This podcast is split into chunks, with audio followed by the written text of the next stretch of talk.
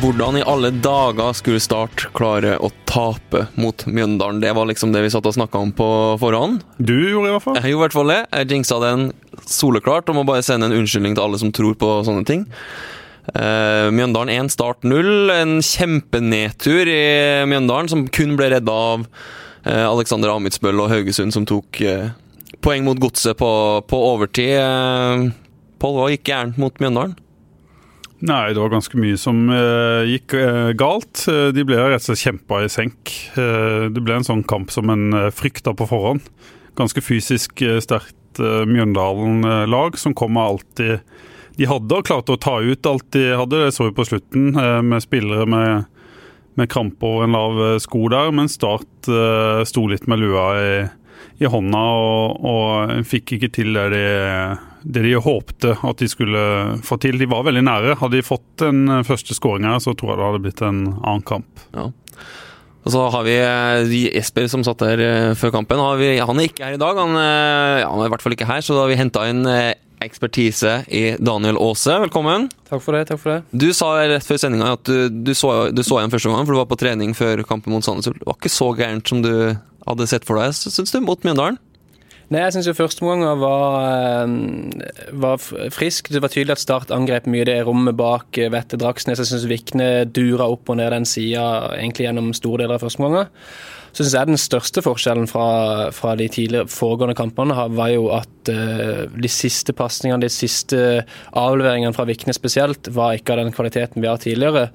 Og antall muligheter til å, til å skape store sjanser var egentlig ganske bra. Så det var jo en det var jo en jevnere kamp enn det jeg hadde sett for meg når jeg hadde lest reaksjonene. Men uh, for all del, var, de ble utduellert inne i feltet. Mjøndalen klarte å skape et ettertrykk og fikk mye sånne sjanser som dumpa ned tilfeldig. Så det, det var ikke overraskende at Mjøndalen nå gikk opp i ledelsen, men uh, men dette har jo da åpna opp eh, nedrykksdrama på en helt annen måte enn det dere snakka om på, for noen dager siden. Enn det alle håpte på? Ja, for vi var jo veldig positive. Vi satt og tenkte at ja, kvalik det blir i hvert fall det blir i hvert fall kvalik, men nå er det virkelig åpent her. Nå er det spenning, og det, kampen i morgen mot Brann blir jo helt utrolig avgjørende. Ja, og hvis de på en måte klarte å spille seg litt ut av det verste presset med den gode prestasjonen de hadde mot, eh, mot Glimt, og følte de hadde de andre litt på avstand, og iallfall Mjøndalen, som var fem poeng bak, så det er en helt annen situasjon nå mot Brann. Nå kommer det virkelig store presset, så får vi håpe at teppet ikke går ned her nå. Det skal jo sies det at eh, Vi så jo for oss at et tap i Mjøndalen betydde direkte nedrykk uansett. Så at de har heldigvis satt seg i den situasjonen at det ikke var eh, kroken på døra. For det er fortsatt med mye muligheter i egne hender. Men det var klart at eh, med seier der så hadde jo Mjøndalen vært ferdig. og jeg syns også den kvalikplassen ser ikke sånn helt avskrekkende ut. Selv om det blir lang tid i desember, så syns jeg både Sogndal og Ranheim ser ut som lag som bør være overkommelige for Start. Mm. Tenk om de hadde bare hatt Daniel Aase for fem år siden. der 1-0, Liggende 1-0 mot Mjøndalen. Inn i 16 der, et lite hælspark og inn i 1-1 og få ja, et riktig poeng. Uh, jeg har fått mye altså det, Den kommer opp hvert år. Den det er jo som sagt veldig hyggelig. at En litt sånn tilfeldig fin situasjon kan eh, skape fortsatt fem år etter. Men uh, nei, det var, det var, tungt. Det var ikke det var ikke spesielt nærme heller, syns jeg. Jeg syns ikke de klarte å skape det ettertrykket utover andre omgang. Jeg syns ikke de de hadde den punchen eller den kvaliteten som skulle til for at de kom seg ordentlig, ordentlig nærme. Det var jo Erlend Segberg som hadde en kanonsjanse. Det er nesten utrolig. Han blir trilt perfekt tilbake til han, og så klarer han ikke å skåre. Så den, den, var jo selvfølgelig veldig nære. Ja, og Det forarbeidet av Martin Ramsson har vi snakka om. òg. høy, høy klasse. Høy klasse, Og så er det jo nesten vanskelig å sette en i tverrligger enn å sette den i mål. Ja, det er mange ganger eh, fotballspillere blir beskyldt for å ha og Jeg kan gjerne se sånn, hvordan er det mulig å bomme her, ser man overskriften, ikke sant. Og så er det ofte en hard ball på tvers som spretter litt, og som faktisk er ganske vanskelig å skåre på. Denne her skal jo egentlig sitte eh, ti av ti. Vi skal gjøre oss ferdig med Mjøndalen-kampen, men du var inne på det. De kom til masse innlegg på høyresida, og det totale tallet på innlegg ble 36 innlegg, og de traff på 11 av de. Er ikke det helt sånn ufattelig dårlig tall? Jo, så vet jeg ikke hvilke parametere som ligger til grunn for at et innlegg eh, er vellykka. Om det handler om at eh, en medspiller må være nær den som førstemann, eller om eh, Eh, det kan være mange grunner til det, men her var jo innleggskvaliteten virkelig dårlig i denne kampen. Altfor mange innlegg som, som gikk i en Mjøndalen-stopper på, på, første stolpe. Eh, kunne slått mye mer på bakerste, bakerste stolpe, eller kanskje prøvd å spille seg lenger inn i, i 16-meteren før en la innlegg, kunne nå og gjort. Og, Og Det var jo den store svakheten i denne kampen. og Derfor jeg gjerne ville beholdt Bolanjos på banen. Jeg syns det var et litt rart bytte. For en en skjønte jo eh, når det var et kvarter igjen og 20 minutter igjen, at her kommer det et trykk. For Mjøndalen risikerte ingenting og la seg bak, og lå egentlig bare og venta og klarte til, til, å stange unna. Da ville jeg beholdt Bolanus der, for han kunne stått ut på den høyre kanten, og de kunne eh, dobla og tripla der ute, og godt for at han eh, skulle slå innlegget. Han hadde ikke trengt å stå ut på høyrekanten heller. Han kunne slått de fra hjørnet av 16 eller litt lenger opp på, på banehalvdelen. For Vi jo, vi satt jo i studio under kampen og snakka liksom om endringer som vi tenkte kanskje de burde gjøre allerede til andre omgang. Kanskje flytte opp Joakim Jørgensen for å få mer stabilitet, stabilitet på midtbanen. Martin Ramsland naturligvis. Hva, hva, tenker du, Martin, nei, Daniel Ede? Ting som burde ha vært gjort annerledes her for å endre litt kampbilde mot, mot Mjøndalen? Det som er utfordringa, det så du jo hvis du så Nord-London Derby som var samme dagen, så var det jo litt Utfordringa er jo ofte hvis lag lar deg slå. Det kan jo være at lag lar deg slå innlegg. At Det er ikke nødvendigvis sånn at det er så bra å ha 40-50 innlegg. Hvis de har to meget sterke stoppere i lufta, så kan de gjerne bare si start, bare slå så mange innlegg dere vil. Så skal vi stå her og ta det unna. Og Det var det jeg følte litt skjedde i denne kampen. her, At Start gikk nesten litt i fella til Mjøndalen og spilte på Mjøndalens styrker. og Det er jo klart at det er fort gjort å bli tvunget i den fella, for du må jo faktisk jage et mål. og en eller annen måte må du prøve å få det til. Men, eh, men, jeg følte at Start eh, gikk rett inn i det Mjøndalen ønska det kampbildet. Ja. Så har jo, som vi snakka om, bunnkampen har blitt helt utrolig åpna. Nå er det jo så, det er så utrolig mange scenarioer, utrolig mange hvis, om og, og når osv. du skulle skrive en sånn scenario-greie i går. Den, ja, den jobba vi lenge med. Den altså. jobba vi lenge med, for det er litt, rett og slett litt vanskelig å skjønne hva som faktisk kan skje. Og hva hvis Start tar poeng der og der og der. Men vi har i hvert fall, for å sette et konkret tall på det, så fikk vi jo Norsk Regnesentral, våre venner der, til å, til å hjelpe oss. Og da er det altså kvalikplass. 44,5% sjanse for det nå, og direkte nedrykk 21,2 Det er jo det er jo på en måte direkte, direkte nedrykktallet, 21 det er jo litt sånn komfortabelt, er det ikke det? eller? Ja, så er det jo et tall, vi kan jo si det er et tall som kanskje eh, sier noe om holder i plassen, eller rykker de ned, som er sånn 60-40, da.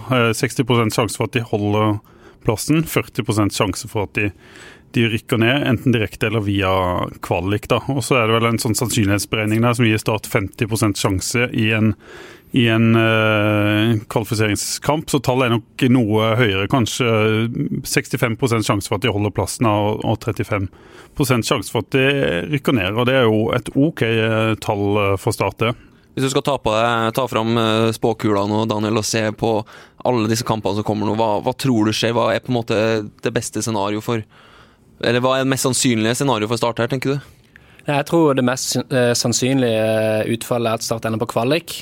Jeg tror Mjøndalen kommer til å tape mot Rosenborg borte på torsdag. Den tapsrekka til Rosenborg kan ikke bli lenger nå. Og eh, jeg tror de kommer til å vinne hjemme mot Ålesund. Eh, er det én ting Mjøndalen har vist, er det at de har en evne på hjemmebane til å mobilisere. Så jeg tror at de tar tre poeng i den siste kampen der. Og det vil jo da si at Start må i prinsippet ha, med mindre de får to uavgjorte og vinner på målforskjell, som de sannsynligvis ikke gjør da. Vi kan med en uavgjort Brann nå. Da kan, kommer de jo likt med, med Mjøndalen på poeng, da. Hvis de tar ett poeng og Mjøndalen tar tre. Ja, det kan holde. Det, men det vil si at det er ganske ubehagelig, for at Brann og Vålerenga er to gode lag. Og du må, bør i prinsippet vinne én av dem for å holde Mjøndalen på armlengdes avstand. Og når jeg ser programmet til Strømsgodset, som skal spille tre kamper, og som har bort mot Ålesund i neste, hvor de har gode muligheter de har så bort borte mot Odd, som spiller sin fjerde kamp på ni dager i den matchen der. Og så skal de møte et Stabæk i siste kamp hjemme, som, har, eh, som har vært i karantene i ti dager før den kampen der. Så det at vi skal håpe for, på for mye hjelp av Godset, det tror jeg ikke. Eh, og et lite element som vi skal legge til her, er jo at Godset spiller to timer før Start tar imot Brann på onsdag. Mm. Og hvis Godset vinner den, så tror jeg det kan ha en negativ effekt på Start. Da må de vinne mot Brann for å, for å ikke komme ned, virkelig ned i sumpa. Og det har tidligere fall vist seg å bli sånn eh, et negativt eh, som ikke har slått ut på en positiv måte. Mm. Og så er det sikkert veldig vanskelig for de i morgen. For eh, Treneren har kanskje lyst til å, å, følge med på den kampen, eller i hvert fall vite hvordan det går. Den er ferdig ti minutter før, før, avspark. Hvordan skal de klare å unngå at, at, noe smitter over her? De har sikkert lagt en, en plan for dette start, at de som er i garderoben på en måte skal ha fokus på på det de skal, og så at de får en beskjed i hvert fall om, om hva resultatet er blitt i den, eh, den eh, kampen. Eh, hvis Strømsgodset skulle finne på å tape i morgen mot Ålesund, så blir jo òg det veldig spennende med tanke på inngangen i, i morgen. Se for deg at det står uavgjort ute i andre omgang mellom Start og Brann. Brann trenger ett poeng til for å for å overleve, for å være helt uh, sikre. Det har de i bakhuet. Og Stat er kanskje fornøyd med ett poeng i morgen hvis uh, skulle finne på å, å tape. Hva, hva slags uh, kamp får vi da? Får vi to lag som ikke risikerer noe, og der de, de spiller ut for å få uavgjort, eller, eller får vi et Start-lag som, som ønsker seier? Det blir veldig spennende å se i morgen hva slags Eh, innvirkning eh, dette får på kampen. Og Så så vi jo start mot Mjøndalen. Vi snakka om at de har liksom lært seg å takle store anledninger. De klarte det mot Lillestrøm, eh, kom tilbake der. Men så, så hadde de jo en stor anledning nå mot Mjøndalen. Takla det åpenbart dårlig.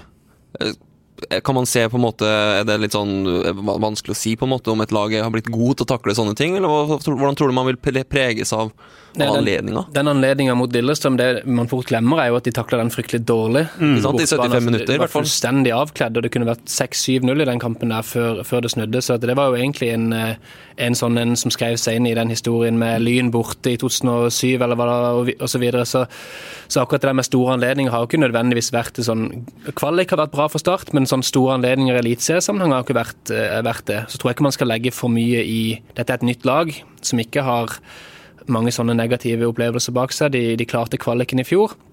Men jeg tenker Brann er faktisk et lag som er litt sånn De har ikke vært gode bort mot svakere motstand. De har tapt eh, tapte 6-0 i en lignende kamp i fjor, bort mot Godset. De, de, har mange stjernespillere som ikke syns det er behagelig å komme til Sørlandet og, og, må ta et poeng i morgen. Så jeg, jeg har egentlig ganske god tro på at det kan bli tre poeng for Start i morgen.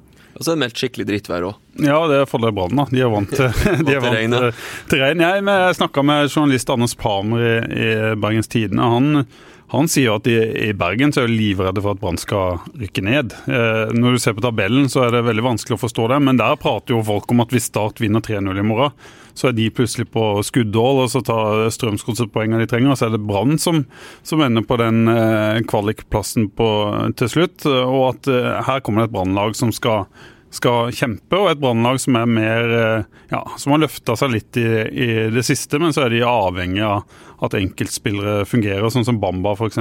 På, på topp. som Hvis han har dagen, så blir det veldig vanskelig for, for Start. Da kan han finne på å, å, å hamre inn baller fra den ene og den andre vinkelen, og så kan han være fullstendig eh, iskald. Men de er jo blitt mye mer stabile. Brann har jo lagt om. Eh, Starta jo i 4-3-3, Kåre Ingebrigtsen, nå spiller de 4-2-3-1 og har to uh, sittende midtbanespillere med Barmen og, og Petter Strand. Og, og har blitt mer uh, stabile. Og så har de fått midtstoppere tilbake fra skade. Kolskogen har vært ute, Foren har vært ute av, av laget. Og han Fjordosson, Fjolosson, eller han heter islendingen, som har vært en, en OK forsterkning for de. Og så er, sier Palmer at Mathias Rasmussen kanskje var den beste spilleren på Brann i, i, forrige kamp, etter at han har hatt en veldig dårlig innledning på sin eh, Brann-karriere. og hva hadde vel vært mer typisk enn at er Mathias Rasmussen som smeller ballen i, i mål fra 20 meter i morgen? Ja, Det hadde jo vært utgjort, men er det Brann som frykter, altså Brann innad som på en måte fortsatt har den frykten for nedrykk, eller?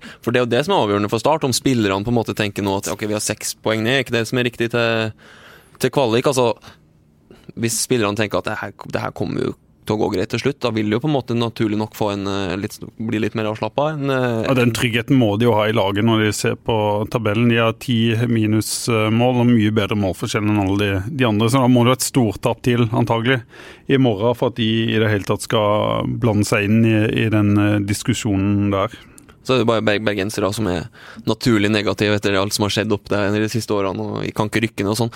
Men så, så snakka du om godset. Veldig lett kampprogram. Men de har jo på en måte De har ikke vunnet en kamp siden vi gikk i shorts i midten av august, liksom. Det, jo, det må jo ta tære på et lag, i hvert fall når de får en på overtid mot, uh, mot uh, Haugesund også.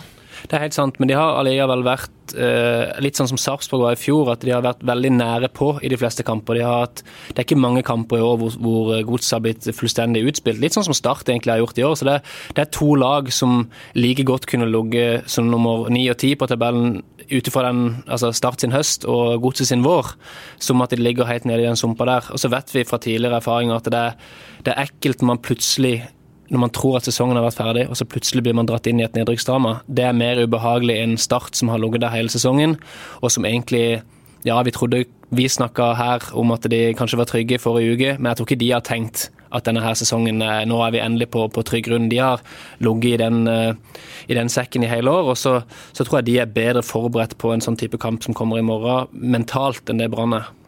Ja, og så husker vi hva Strømsgodset gjorde i fjor. Etter at en elendig høst, der de tapte og tapte og tapte, så kom de inn med en voldsom energi når det plutselig gjaldt på, på slutten. Og de vant til de spilte vel 4-4 eller 5-5 mot Rosenborg og vant vel 5-2 borte mot Haugesund. Hadde noen kamper på slutten der hvor, de, hvor det virkelig løsna for de, og, og der de de var litt i, i, samme situasjon, at de måtte begynne å vinne fotballkamper, og, og gjorde det.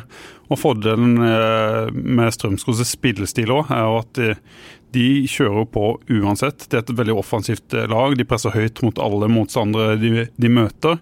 Så, så, den der kanskje lille tvilen de, de, har om hvordan de skal spille eller opptre, den, den finnes ikke hos, eh, hos Godset, tror jeg. De kommer til å bare kjøre på i, i innspurten her. og jeg, jeg, tror kanskje det vil lønne seg allerede mot Ålesund i morgen.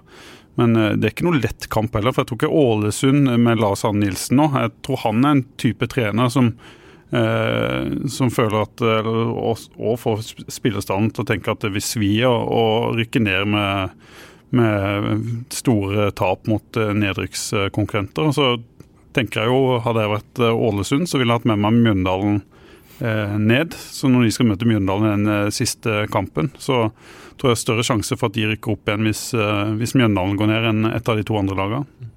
Hvordan er det der som, for det, Her er det jo litt forskjellige datoer, som du sier. Uh, Godset skal spille kamp litt sånn altså Start får jo nå tolv dager pause, vel, men så skal jo Odd Strømskog som heter Odd, som skal ha fire kamper på ni dager. og sånn. Åssen er det der som spiller å få liksom pause plutselig på tolv dager, og så skal du spille masse kamper liksom, som Start, som skal på en måte vente tolv dager på en avgjørende match. Hvordan påvirkes man av det? Begge deler er jo negativt. Uh, det er jo for Start sin del, altså Det har vært et spesielt år for alle. og Det er noen lag som har vært mer uheldige også, med tanke på antall karantener osv. Det vet jo du alt om. Ja, Vi har vel hatt fire. eh, og Det er klart, det å bli, ikke få lov til å møte lagkameratene dine på ti dager, og ikke få trene på de tingene du skal gjøre, mens det motstanderlaget Det er jo en grunn til at vi trener. Det er jo fordi at det hver dag betyr noe med tanke på å se best mulig ut inn mot neste kamp. Og Hvis du får ti dager hvor ikke du får møte hverandre Nå får de riktignok det i den avslutningsperioden her, men, men, det er veldig negativt. Og I tillegg så er det negativt for et Odd-lag for eksempel, som skal spille fire kamper på ni dager. Det er klart det er negativt. De har allerede masse skader i sitt lag. og en kamp som Godset da vanligvis ville tapt kanskje ni av ti ganger på Skagerrak Arena, den mener jeg at de plutselig kan bli favoritter i. Så det er jo det snur helt, altså Kampprogrammet i år snur helt om på, på favorittbildene i kampene. Så det høres jo ut som du er ganske positiv på Godset sine vegne her, da, og at det kanskje er litt negativt for Start?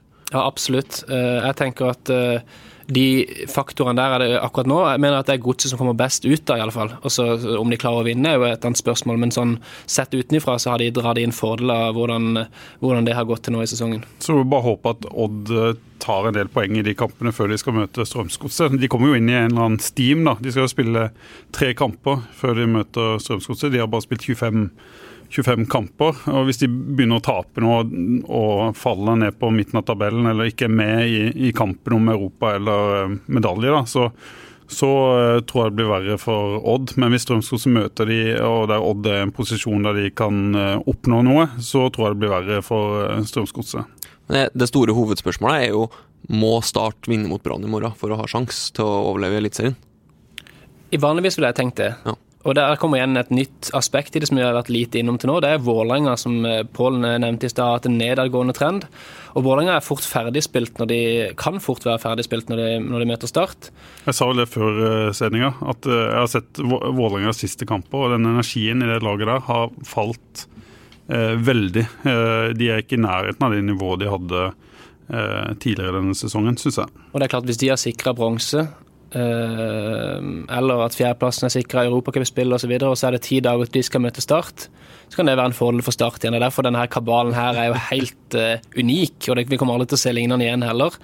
Men det er jo ganske spennende å følge med på det, for det er såpass mange twister og turns underveis. Men du har jo vært på starttrening, eh, Steffen, og i hvert fall når jeg leser det du har skrevet og det de sier, så er de klare sjøl på at seier er det eneste som uh, betyr noe i morgen. Jeg føler i hvert fall at spillerne er i hvert fall mer ærlige om det. At de sier at ja, det er en kamp vi må vinne. Snakka med Christian Bolanios f.eks. Det er must win-kamp. Mens Joey Hardarson er mer sånn i hvert fall utad at ja, vi tar én kamp av gangen. Nå er det Brann først, og så ser vi an scenario. Men spillerne ser jo det her like lett som vi gjør, vil jeg jo tro at ja, Vålerenga borte er en ganske mye vanskeligere kamp enn Brann hjemme. Som et Brann som ikke har noe å spille for, sånn som det ser ut. da. Eh, det vil jo tro at spillerne også kjenner på, at, uh, kjenner på situasjonen og kjenner på presset. Jeg vet ikke hvordan det er å stå i en sånn dramatisk innspurt. Nei, det, Man kjenner på press, og man får med seg alle disse tingene som, eh, som lever utenfor stadionveggene også. Det er ikke noe til å legge skjul på. Samtidig så, så, tenker jeg at det verste man kan gjøre, er å begynne å gjøre noe helt annerledes enn det man har gjort. Altså Av de siste ti omgangene Start har spilt, så har kanskje syv og en halv av de vært OK. okay. Hvis de leverer tre av fire gode omganger resten av sesongen, så kommer det til å holde til tre-fire poeng og fornya kontrakt, sannsynligvis. Så det er jo det å ikke nettopp å altså og ikke begynne å finne på masse annet. Det tror jeg egentlig er nøkkelen. og Da hjelper det ikke noe å fortelle at vi må vinne denne kampen her, for dette det gjør ikke noe forskjell. Nei, men det kan ha noe å si eh, hva de ble enige om i garderoben og kampplanen og de tinga der. Eh, kan jo få noe å si for, eh, for, resultatet. Hvis de har en klar oppfatning, er enige om at her går vi for for tre poeng. Her skal vi gå offensivt uh, ut og rett i strupen på Brann, noe jeg tror de kommer til å prøve på i morgen. Det vi har sett da har funka mot en del litt svakere lag enn en f.eks. Bodø-Glimt, der de hadde en helt annen innstilling. I morgen tror jeg de kommer med, med, med høyt press der de, de kan, og, og, og, prøver å stå ganske høyt med, med laget. Iallfall høyere enn det de gjorde mot uh, Glimt. Jeg tror ikke det blir en uh, to spisser i morgen. Nei, Vi kan ta litt om, om, laget også, for El Makrini kommer jo tilbake. Det er vel en spiller vi er ganske enige om at de savna på på, i Mjøndalen. Og så var det litt tvil rundt Joakim Jørgensen, som gikk av mot Mjøndalen. Han virker i hvert fall han trente i dag og i tirs, tirsdag, og det skal være klart i, i morgen. Så er Espen Børufsen er fortsatt ute. Han mister nok resten av sesongen, eh, så vidt jeg forstår. Og så er Mikael Ugland skada, i tillegg til mange av de andre. Så det er jo ingen nye skader, ingen nye suspensjoner, og man får El Makrini tilbake. Det er vel et pluss her, da. Ja, de har, de har noen vurderinger som de må, må, gjøre der. De har sluppet til eh, flere sjanser mot seg etter at Joakim Jørgensen kom inn på laget for Vegard Bergan. Det sier statistikken klart. ja, det er ganske interessant. De siste seks kampene så har de sluppet det, altså hvis vi skal se på det, expected goals eh, mot, så er det liksom 14 nesten 15 mål. Så har de sluppet inn 10 mål, men de har sluppet det veldig mye både mot eh, Bodø-Glimt, litt mer enn man kanskje skulle tro, selv om de gjorde en god forsvarskamp der, og mot Mjøndalen så kunne de også sluppet inn mer enn de gjorde, da. Så ja. Ja, men det er jo eh, Midtstoppere har jo forskjellige egenskaper. Vegard Bergan er nok den beste duellspilleren av de tre eh, bak der, selv om Daland har tatt steg der. Han er òg den som er best til å blokkere skudd, til å Ja, den oppofrelsen en ser litt som en trenger gjerne en midtstopper, særlig hvis en spiller mot lag som, som uh, har ballen mye og kommer til mye innlegg og de tinga der. Og så er nok Joakim Jørgensen mye bedre i de kampene Start har ballen uh, mye. Da har du to midtstoppere som er ganske gode i frispillingsfasen, begge to. Der er Joakim Jørgensen mye bedre enn enn uh, Bergan. Så vi må gjøre noen avveininger der. Jeg tror Joakim spiller hvis han er frisk i morgen, men det spørs om en kamp mot Vålerenga. Om Bergan er et bedre Eh, alternativ. For eh, de har veldig ulike egenskaper. Jesper Daland trenger på en måte en ved siden av seg som, som er kanskje mer kriger enn det Joakim Jørgensen er. Jeg er helt enig med det du sier, Pål, men jeg har et lite sånne, eh, poeng rundt det med hvor, hvor, mye vi kommer til å ha ballen. For det, det, det var kommer først høna eller egget der. For at, hvis du skal sette opp for oss kunne styre en kamp, så er det sånn, ok, Spiller du med Vegard Bergan, da, så ender det kanskje opp med at du ikke får styrt kampen sånn som du ønsker fordi du spiller med han.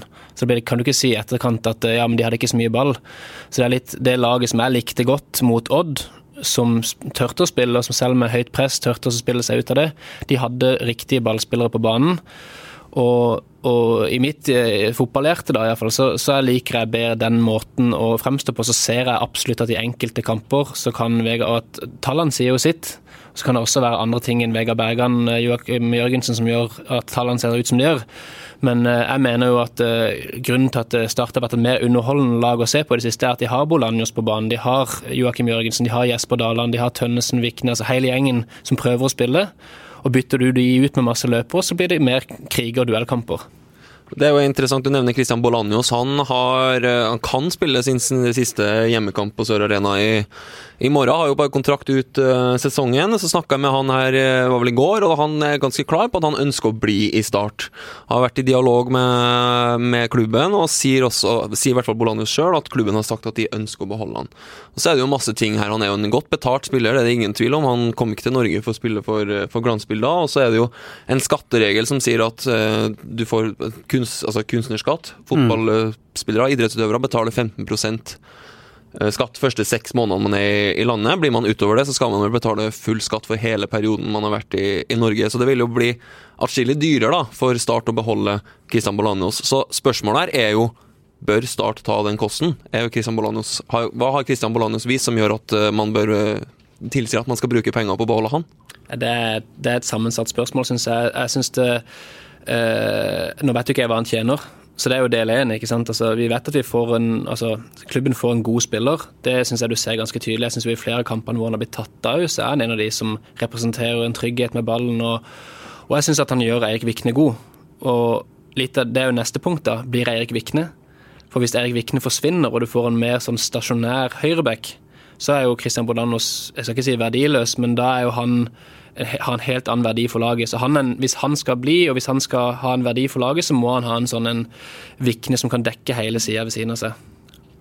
Jeg tror det er opp til Bodane sjøl hva han eh, blir. Jeg tipper han har rett når han sier at Start eh, ønsker han, men så sier vel eh, Start noe om at dette er hva du får, og så er det take it og og livet. Så hvis han virkelig vil eh, være i Start, og familien trives på Sørlandet, så tror jeg han også blir med de ned i førstedivisjon, hvis han eh, sjøl vil.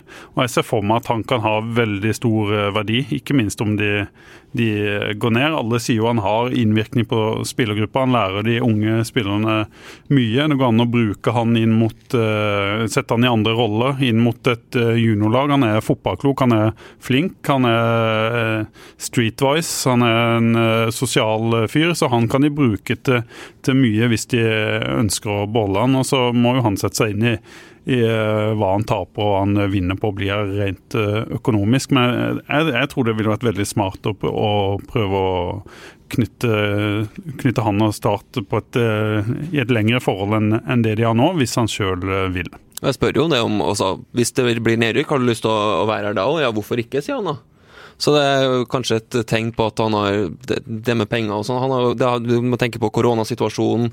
Costa Rica er nok atskillig mye verre stand enn Norge akkurat der. Og han har en trygghet, han har fint hus ute på, ut på Dvergsnes eller hvor det er. Men, og så har han jo en spesiell status i blant fansen, men ser vi oss litt blind på det, at det her er Christian Bolano, så hadde han hett uh, Joaquin Rodriguez, liksom, har vært fra Costa Rica og vært en Da hadde han blitt sendt rett uh, hjem igjen, ja. Det ja. tror jeg. Hvis han ikke hadde hatt den statusen og det han har gjort uh, før, og kjenner, kjenner klubben. Han ikke, hadde vært en, en hvem som helst, så kunne vi sagt at han har prestert helt på det jevne, og, og her er det ikke noen verdi å beholde han. Og så er det de tingene som vi ikke ser i Eh, vi som sitter her, og vi ser jo litt av det på trening og, så, og sånne ting. Men eh, eh, jeg tror det er en verdi å ha han i, klubben, både pga. det han har gjort før, navnet hans, men ikke minst det han bidrar med på, kan bidra med på utsida av det som skjer på ja, hver søndag. da.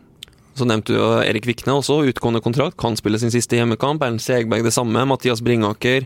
Espen Børufsen får jo ikke spilt, da, men han også. Det, så det er jo noen usikre kort her. Er det du måte, kan du gjøre noe, noen mening om hvem som bør bli her og ikke, fra, fra Start sin side? Jeg syns jo at uh, det som gleder uh, og bør glede sørlendinger nå, er jo at det laget som har vært et bedre eliteserielag, syns jeg, i år enn det de har vært på ganske mange år, har hatt en lokal kjerne med spennende spillere. Og det er, det er spillere som helt åpenbart har ambisjon, eller som har kvalitet til å kunne spille for større klubber enn det Start er akkurat nå. Men det hadde gledet meg noe vanvittig for Starts vegne hvis de hadde klart å få de til å bli en del av det. Få de til å se på Glimt, få de til å se på en del av de andre lagene som faktisk har tatt det steget fra der starta er nå, til noe nytt. Så jeg mener at Jesper Daland, Eirik Vikne, eh, også Segberg, eh, er spillere som, som, må egentlig være med for, for at det prosjektet skal få videre fart. Hvis Joey må begynne å jobbe med helt nye spillere neste år igjen, så blir det tar det mye lengre tid å bygge, opp, bygge videre på det som han har gjort nå. Mm.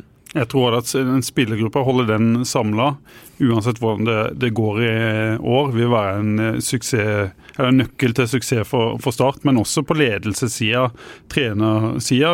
Det er sikkert mange, hvis Start rykker ned nå, som, som, kommer til å skrike etter eh, bytter. og Da er vi på en måte inne i den spiralen som, som har kjennetegna denne klubben over så mange år, og som har vært mener jeg fall, en medvirkende årsak til at han aldri kommer seg seg videre. Og så tror jeg jo at nedrykk kan være drepen for akkurat det. At de må antageligvis kvitte seg med spillere. Tipper de selger Jesper Daland om de rykker ned, for det er de antageligvis nøtter. Så kan det godt hende at noen slutter for det her. Orker de ikke å, å, å være med på eh, mer. Vikne kan sikkert finne seg en bedre klubb, bedre lønn et annet eh, sted. Og så er vi der Daniel sier vi egentlig ikke bør komme, da. Så synes jeg det er to ting, En ting som er litt undervurdert med i hvert fall Vikne og Segberg, er at de er begge bare 23 år gamle, selv om de, de, vi føler på en måte at de har spilt i Start i fem-seks år. Men de er jo fortsatt et par år unna hvert fall å være liksom, der som skal være toppen av, av karrieren deres. Absolutt, og det er det som er så positivt. og hvis du Da kan, da er du ikke avhengig heller å få opp tre-fire nye hvert eneste år, for at du klarer å holde en lengre karriere på de spillerne du allerede har. Så det er klart Hvis du skal få opp eh, Tobias Christensen, Mathias Rasmussen, Jesper Daland, som er sjeldne talenter i Sørlands målestokk. Hvis du skal få de opp, og så er du ferdig med de etter seks måneder, så har du en fryktelig vanskelig jobb med å skape et sørlandslag. For da blir det sånn at hver gang en god en kommer opp, så, så mister du han en gang de presterer. Så det der jeg mener at uh, Jesper Daland tror ikke jeg har vondt av et år til i Eliteserien. Jeg tror han har godt av det, tvert imot. og og hvis de holder seg, så håper jeg at de gjør alt de kan for å selge inn et prosjektstart som gjør at han kan være med videre. For det er jo klart at han er jo en Jeg så på det på NTB-børsen. altså Det er vel det er mange år siden sist en utespiller for Start ligger inne på topp 25 av Elite. Altså han, han, ligger på et helt annet nivå enn det Start-spillere pleier å gjøre. Hva, vi har snakka masse om Jesper Dahl, altfor masse vil jo noen si. Men hva syns du om det, det Jesper har vist i sin første sesong i Eliteserien? Ja, så nå fikk jo jeg gleden av å spille med han i Vigørhallen i, i desember, og, og, fikk se at han var kunne, du kunne se det med en gang. Det var like lett å se på han som det var å se på Christopher Ayer. Og det var like lett å se, lett å se på han som på Tobias Christensen. Altså, du, du, ser det med en gang. Det er bare en måte å, å verne om ballen på, en selvsikkerhet som de har, som er sjelden. Og, og, han altså For meg så overrasker det Dere var jo tidlig ute med å se det, men altså, det at han har prestert så godt som han har gjort, kunne man kanskje ikke forvente. men men når du ser på de, de, det tekniske nivået på han kontra nesten alle andre stoppere i Eliteserien, så, så, så, tenker jeg at det nesten ikke finnes grenser for han. Med tanke på, jeg tenker at han er en fremtidig landslagsstopper på Norge. Og Så kan det komme 100 ting i veien med tanke på skader og karriere. Altså Det kan skje mange ting, men han virker jo som en oppegående fyr òg, og en sulten fyr som skal utvikle seg videre. Så eh, Jesper Daland og Kristoffer Ayer for Norge i 2024. Det hadde vært noe. Da er du inne på samme problematikk som eh, Joakim Jørgensen og Jesper Daland. Da får to, to spillende eh, midtstoppere som ikke har grønske på, på shortsen. Men eh, så lenge du kan spille ut motstandere, så, så har det ingenting å si for, for Daniel. Men jeg er jo helt enig med, med Daniel. Det er jo kombinasjonen av det han gjør med ball og fysikken hans som gjør han så ekstremt spennende, syns jeg. da, at han, han, ser jo ut til å bare bli raskere og, og raskere. Vi så jo eh, Junker prøvde seg på en løpsduell mot eh, Jesper Daland. Så vi Ibrahimen på Mjøndalen òg, som var i et par løpsdueller hvor han han kan eh, nesten starte med tillegg når han er oppe i, oppe i fart, altså allikevel kom først på, på ballen. Så toppfarten hans er jo ja, Han må være en av de raskeste stopperne i Eliteserien, tror, tror, jeg. Og, og, det er kanskje det som har imponert meg mest. Jeg husker i fjor, i, ja, det er vel kanskje snart to år siden, når han spilte treningskamp mot Arendal på myra, der han så ut som en eh, fisk på land, rett og slett. Han sleit noe fryktelig med å bevege seg. Han sleit med kroppen sin. Han var treg på små flater. Han hadde ikke spesielt god toppfart, og så har han utvikla seg til å bli det han er nå. Det er imponerende. Ja, jeg husker jeg var, Det var etter den Arendal-kampen. Da, da dro de til Marbella. Da så du liksom en stopper som hadde enorme kvaliteter med ball men som ikke var i nærheten av det fysiske nivået. Altså den, jeg vet ikke om Han han kanskje sikkert den farta også, men han visste ikke det på noen måte da, men han, nå har han hadde vært skada lenge, da. Det skal jo uh, sies. På det tidspunktet så har han gått skada veldig lenge i, i Stabæk, og så fikk han jo en ny alvorlig skade som holdt han utenfor hele den første sesongen for, for Start. Så det sier jo noe om potensialet han så. Men han har hatt to alvorlige skader som har holdt han ganske eh, lenge ute. Og så liker jeg at han har litt følelsene ute på kroppen. altså Når det går bra, så er han jo der. Kassa hans er jo fram. Altså, han er jo Norges mest skuffa mann og Start har tapt. Når han kom ut i pressesone etter Mjøndalen-kampen, så han så ut som han skulle grave seg et høl i bakken, rett og slett. Jeg har aldri sett maken til fyr som har følelser. Men han kan bli litt sånn profil. Han kan bli en sånn som, som guttene på, på, banen har lyst til å være, liksom. Ja, jeg hadde jo, jeg kan fortelle en liten historie om Jesper Daland og min sønn, da, som jeg pleier å ta med en gang i året på en bortekamp. Han er elleve år. Jeg hadde han med til Haugesund tidligere i sommer. Det som skjedde da, var jo at at Jesper Daland skulle skåra selvmål på overtid. Og kom jo da ut Først fikk vi beskjed Jesper Daland kommer ikke. Så kom han jo allikevel. da, Tenkte seg om to ganger og tenkte at OK, for face det. Eller kanskje noen lagkamerater har sagt du må komme deg ut der, bli ferdig med det. Og min sønn syns altså så synd på Jesper Daland.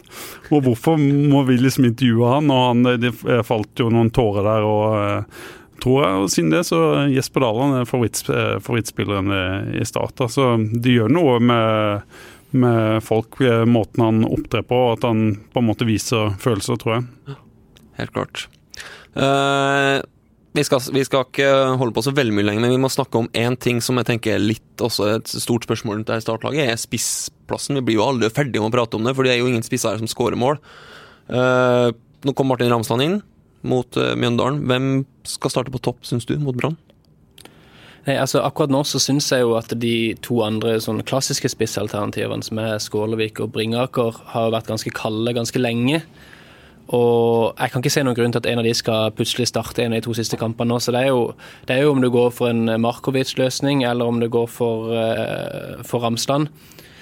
Personlig så, så så kan jeg se for meg at Ramsland eh, at, han, altså at, det plutselig kommer, rett og slett. Jeg har en sånn følelse med han, at han har noe med seg som gjør at eh, Og det er jo veldig lett når sier når han spiller 20 kamper uten å skåre, så det høres kanskje litt dumt ut å si, men, men jeg har en, eh, en, feeling på at han kan bli avgjørende i løpet av de to siste kampene, og ville gitt han jeg ville gitt han tillit fra start, tror jeg, nå i denne kampen her som kom nå. fordi at det, det, er bare noe med, Hvis de skal fortsette å komme rundt på kant og sånn også, så han frier rom. og ikke, Man må ikke bare se på akkurat hva som han sjøl klarer å sette i mål. Man må se på hva han kan brøyte seg plass og, og gjøre, uh, gjør litt rom for, uh, for rom, uh, de medspillerne rundt seg. Det han gjorde før sjansen til Erlend Segberg, f.eks. Absolutt, men det er jo én ting som taler veldig mot det Daniel sier. Og det er jo at han har sett klart friskest ut de gangene han har kommet inn fra benken. Mens de gangene han har starta, så har det vært eh, stort sett ganske svake prestasjoner. Jeg vet ikke om det kan være en sånn mental eh, greie, at når han starter kamper, at han kanskje ikke har en eh, fysikk som tåler å, å ja, spiller mer enn 60 minutter, at det preger han, at han holder et eller annet igjen. Mens når han har kommet inn, så syns jeg mer vi har sett den råskapen som har kjennetegna han før. da, At, han, at uh, det er noen hemninger der som uh, slipper litt. Vi ser han liksom ikke stupe i det presset når i det femte minuttet i en uh, kamp han starter, som vi ser når han kommer inn i det, det 70. da. Så, så, det taler jo litt mot det, de prestasjonene han har hatt når han har starta kamper for, for Start i, i år. Det blir jo utrolig spennende. Det, vi sier det sikkert hvert år, men jeg tror aldri det har vært så spennende i nedrykksstriden som det har vært nå. Og det her kan jo gå alle, alle retninger, så det blir jo helt uh, vanvittig. Men uh, Daniel, du er jo involvert i din egen lille nedrykksstrid, eller? Hvordan tenker du om det dere er i ferd med å gjøre i, i Jerv? Tap mot Sandnes Ulf i, i, går. Da er vel kvalik opp til Eliteserien? Er vel kanskje utelukka nå, eller? Ja, det har vært en veldig spesiell Vi har jo hatt uh, stort sett to-tre hengekamper gjennom hele høsten, så vi har liksom visst at, uh, at vi, hvis vi taper de hengekampene, så vil vi være i nedrykksstrid, og hvis vi vinner de, så vil vi være i en opprykksstrid. Så det har vært veldig spesielt. Uh, og med seier i går så hadde vi jo da kommet opp A-poeng med Sandnes Ulf og så nesten vært favoritter til den sjetteplassen og kvalifiseringen til Eliteserien, fordi at vi har to hjemmekamper igjen.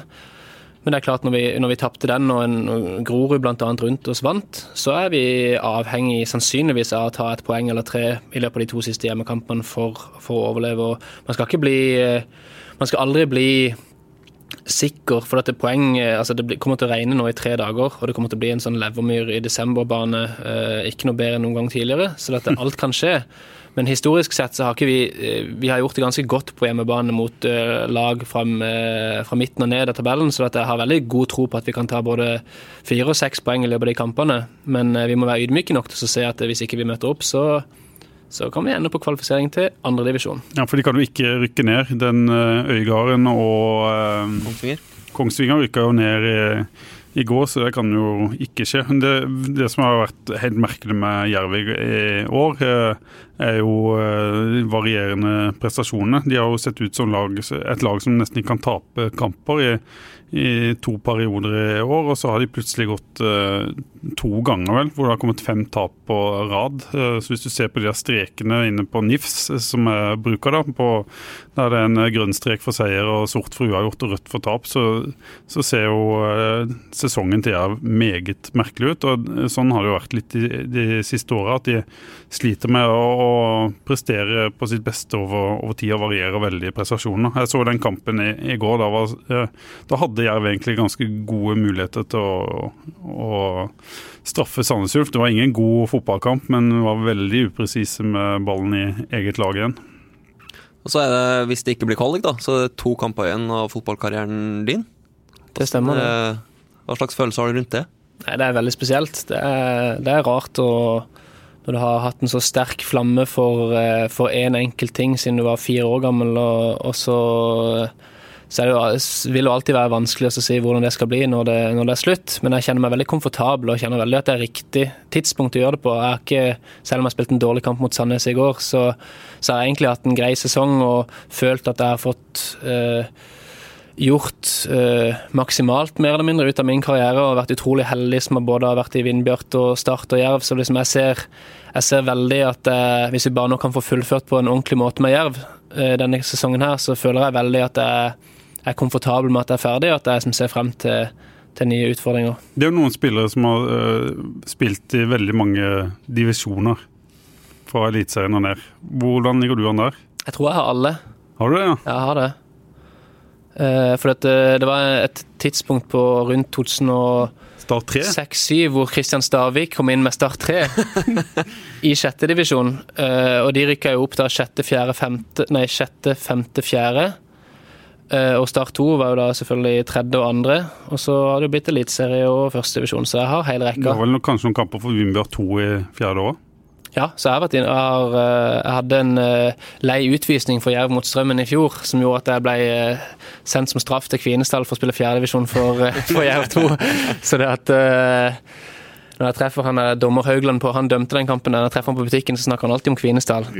så det at jeg har fått prøvd meg i alle divisjonene, faktisk, så det er jo litt gøy å ha med seg. Det er en slags sånn kulthelt av en fotballspiller, i hvert fall her i byen eh, man mister nå, eller? Ja, absolutt en stor eh, profil i lokalfotballen, som har vært i en eh, årrekke, og som fikk litt ut av karrieren sin etter han fylte 25, vel, når han gikk inn i Eliteserien. Som som Start nok skulle dyrka litt uh, før de gjorde. Han var jo i Start og var jo en veldig spennende spiller. Jeg husker jo uh, vi lagde en video med Daniel etter at han skåra noen mål i andredivisjon, hvor han herja i en andredivisjonskamp for, for uh, Start 2. Men det var jo en periode der Start var mye mer glad i å hente inn spillere utenfra enn å satse på sine egne. Så er jo Daniel veldig ydmyk og sier at han kunne fått mer ut av av karrieren. Men jeg tror nok Start kunne fått mer ut av Daniel Aase òg, hvis de hadde klart å beholde han og, og gjort det steget litt kortere for han eh, mellom eh, en andredivisjonsspiller og en eh, eliteseriespiller.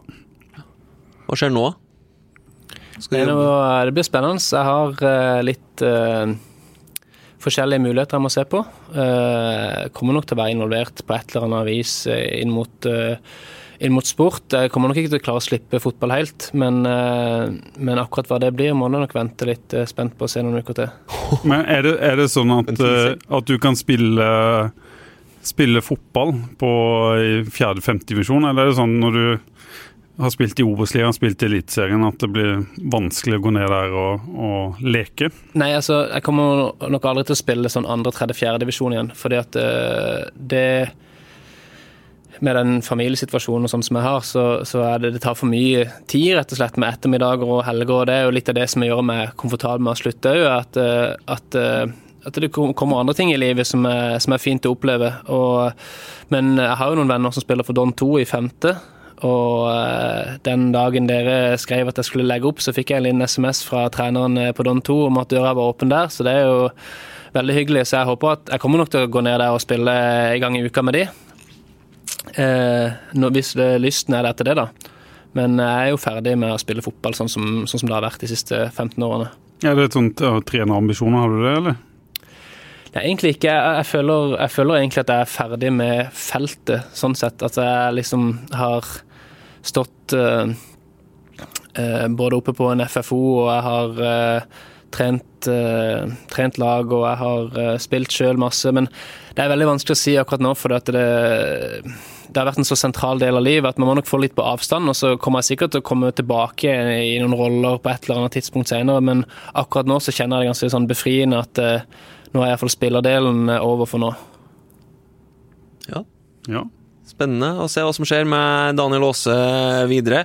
Spennende blir det i hvert fall i morgen mot Brann eh, klokka åtte, vel?